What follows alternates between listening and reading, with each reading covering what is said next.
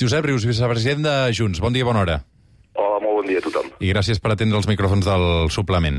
Gràcies a vosaltres. Quan podrà tornar Carles Puigdemont? Doncs veurem, veurem eh, com evoluciona això, però el que és innegable doncs, és que hem mirat de fixar unes bases eh, sòlides amb aquest pacte que hem dut a terme amb el Partit Socialista per tal de que això doncs, eh, sigui possible. Avui és més possible que, que, que fa uns dies. Podem confirmar que dilluns l'amnistia es registrarà al Congrés? El que segur que podem confirmar és que l'amnistia eh, quedarà registrada abans de que donem els vots de la investidura a, Pedro Sánchez, això seguríssim. Per tant, si la investidura es produís dimecres i dijous, vol dir que dilluns o dimarts entra al Congrés l'amnistia? Per aquí hauria d'anar, efectivament. Uh -huh. um, avui comença aquesta consulta telemàtica a la militància de Junts. Aquest migdia s'allarga fins demà a les 6 de la tarda. La pregunta, l'hem llegit fa uns instants, inclou aquest referèndum d'autodeterminació. Um, Ratifiques l'acord signat a Brussel·les entre Junts i el PSOE en què s'estableixen tant les condicions com els mecanismes per la resolució del conflicte polític entre Catalunya i l'Estat i en què plantejarem un referèndum d'autodeterminació? Temen vots en contra d'aquest acord o, o esperen una amplíssima majoria de la militància de Junts que avali aquest acord PSOE-Junts? Home, nosaltres confiem que, en primer lloc, que nosaltres tornem a fer una cosa que, que no fan tots els partits polítics i és eh, que fer que les bases participin en totes les grans decisions, com va passar, per exemple, també doncs, amb, la sortida, eh, amb la sortida del govern. Nosaltres estem segurs que el resultat eh, serà favorable a l'acord de Brussel·les, un acord liderat pel president Puigdemont, que ha estat ratificat per unanimitat per la direcció del partit i que ahir mateix també doncs, per, per part del Consell Nacional de Junts per Catalunya va ser valorat molt, molt positivament. Mm. Sobre, sobre aquesta amnistia que s'ha de registrar dilluns o dimarts, com apuntàvem, la llei inclou el concepte l'ofer? Miri, nosaltres hem dit que uh, l'amnistia no va de noms, sinó que, de, que va de fets, dels fets que van passar doncs, al llarg de tots aquests anys, des del 9-N fins ara, eh, tothom sap que hi ha hagut guerra bruta contra l'independentisme i el que nosaltres pretenem és efectivament doncs, que quedin coberts eh, doncs, tots els supòsits que, que hi han hagut. Hi ha hagut l'aufer, hi ha hagut una guerra bruta i el, el, el valor de l'amnistia precisament és treure el conflicte dels jutjats i de tornar-lo a la política. No m'ha respost la pregunta per això. La llei inclou el concepte sí. o no? Sí, sí, sí. Efectivament, el que nosaltres hem estat batallant i estarem batallant fins a última hora és perquè no quedi ningú exclòs d'aquesta llei eh, d'amnistia, eh, no quedi cap fet exclòs d'aquesta llei d'amnistia i, per descomptat, el que ha passat durant aquests darrers anys ha estat que hi ha hagut condemnes o hi ha causes obertes i que totes aquestes, doncs, lògicament, ha estat només pel fet de, de ser independentista i que, per tant, hauran de quedar cobertes. El cas Laura Borràs entra dins la llei d'amnistia o no? Repeteixo que això no, no va de noms, sinó que se va de fets. Eh, no li sorprèn aquesta resposta que puc fer perquè ho hem estat dient, ho ha dit el nostre secretari general, ho ha dit el president Puigdemont, ho hem dit sempre. Nosaltres no volem personalitzar amb ningú, més de les 4.000 persones que estan encausades avui en dia o que tenen d'alguna manera eh, alguna, alguna causa o alguna investigació oberta i, per tant, el que sí que li puc assegurar és de que eh, hem estat treballant aquesta darrera setmana, estarem treballant fins a l'últim minut perquè aquesta sigui una llei d'amnistia robusta i que efectivament cobreixi tots aquests supòsits. D'acord. Uh, Pedro Sánchez va dir en campanya que no hi hauria amnistia i Junts va dir en campanya que no investiria Pedro Sánchez. Per què envelleix tan malament la, la, la maroteca política? No, no, no, és, no és ben bé així. Nosaltres vam dir que no investiríem Pedro Sánchez a canvi de nada.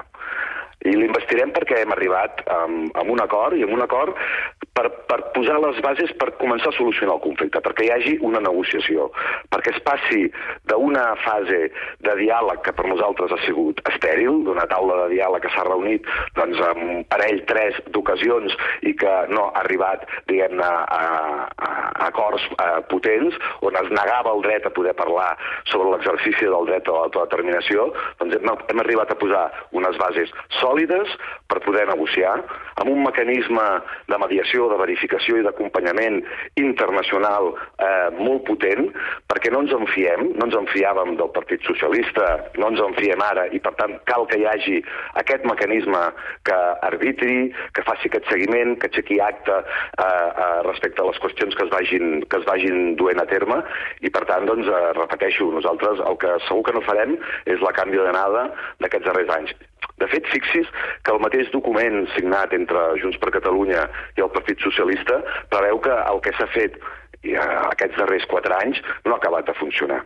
Aquest és un conflicte, sempre hem dit que és un conflicte que és modern. La, la, diguem-ne, la lluita de milions de catalans perquè Catalunya sigui independent és una lluita plenament democràtica, és un conflicte del segle XXI i, per tant, doncs calia un acord calien mecanismes del segle XXI i això és el que hem estat treballant eh, durant tots aquests darrers eh, mesos eh, doncs d'una manera molt rigorosa. Mm. Um, hi ha noms ja damunt la taula sobre aquest verificador internacional?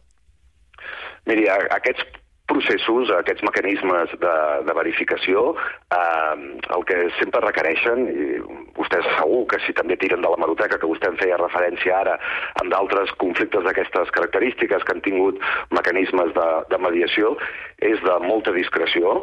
Sovint, fins i tot, doncs, de, de secretisme, precisament per facilitar que hi hagi un treball que sigui tranquil, que sigui un treball que no estigui sota el focus mediàtic i, per tant, doncs, lògicament, els noms seran noms que seran potents, però eh, permeti'm que, lògicament, jo no li pugui avançar cap d'aquests noms.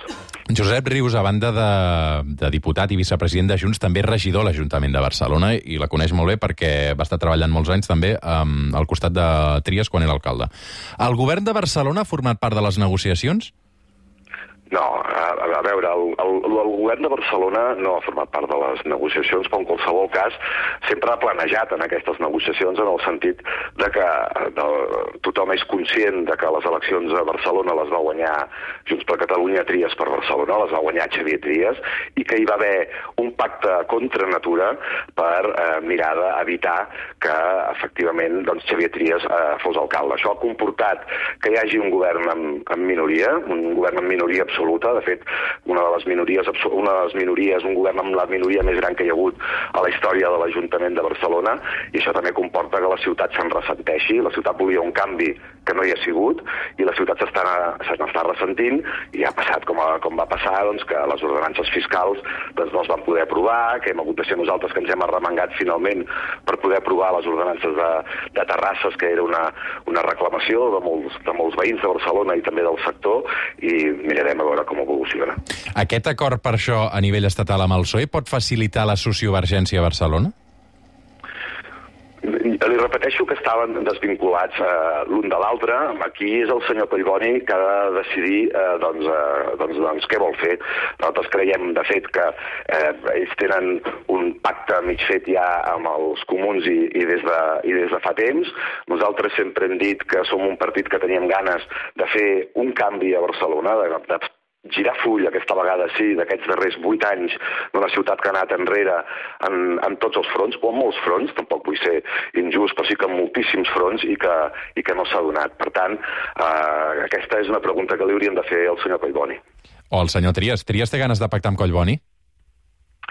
El, senyor Trias el que tenia ganes era de ser alcalde de Barcelona i així, doncs, eh, per aquest motiu va quedar en primer lloc i va guanyar aquestes eleccions i, en canvi, doncs, escolti, hi va haver un pacte dels socialistes, dels comuns, amb el Partit Popular amb el Partit Popular, vull repetir, per mirar d'impedir eh, que fos això. Van fer el poder pel poder i van deixar la ciutat en segon terme. Mm. És el Josep Rius, vicepresident de Junts, eh, que entenc que vostè, a partir d'aquest migdia, també li tocarà votar, no?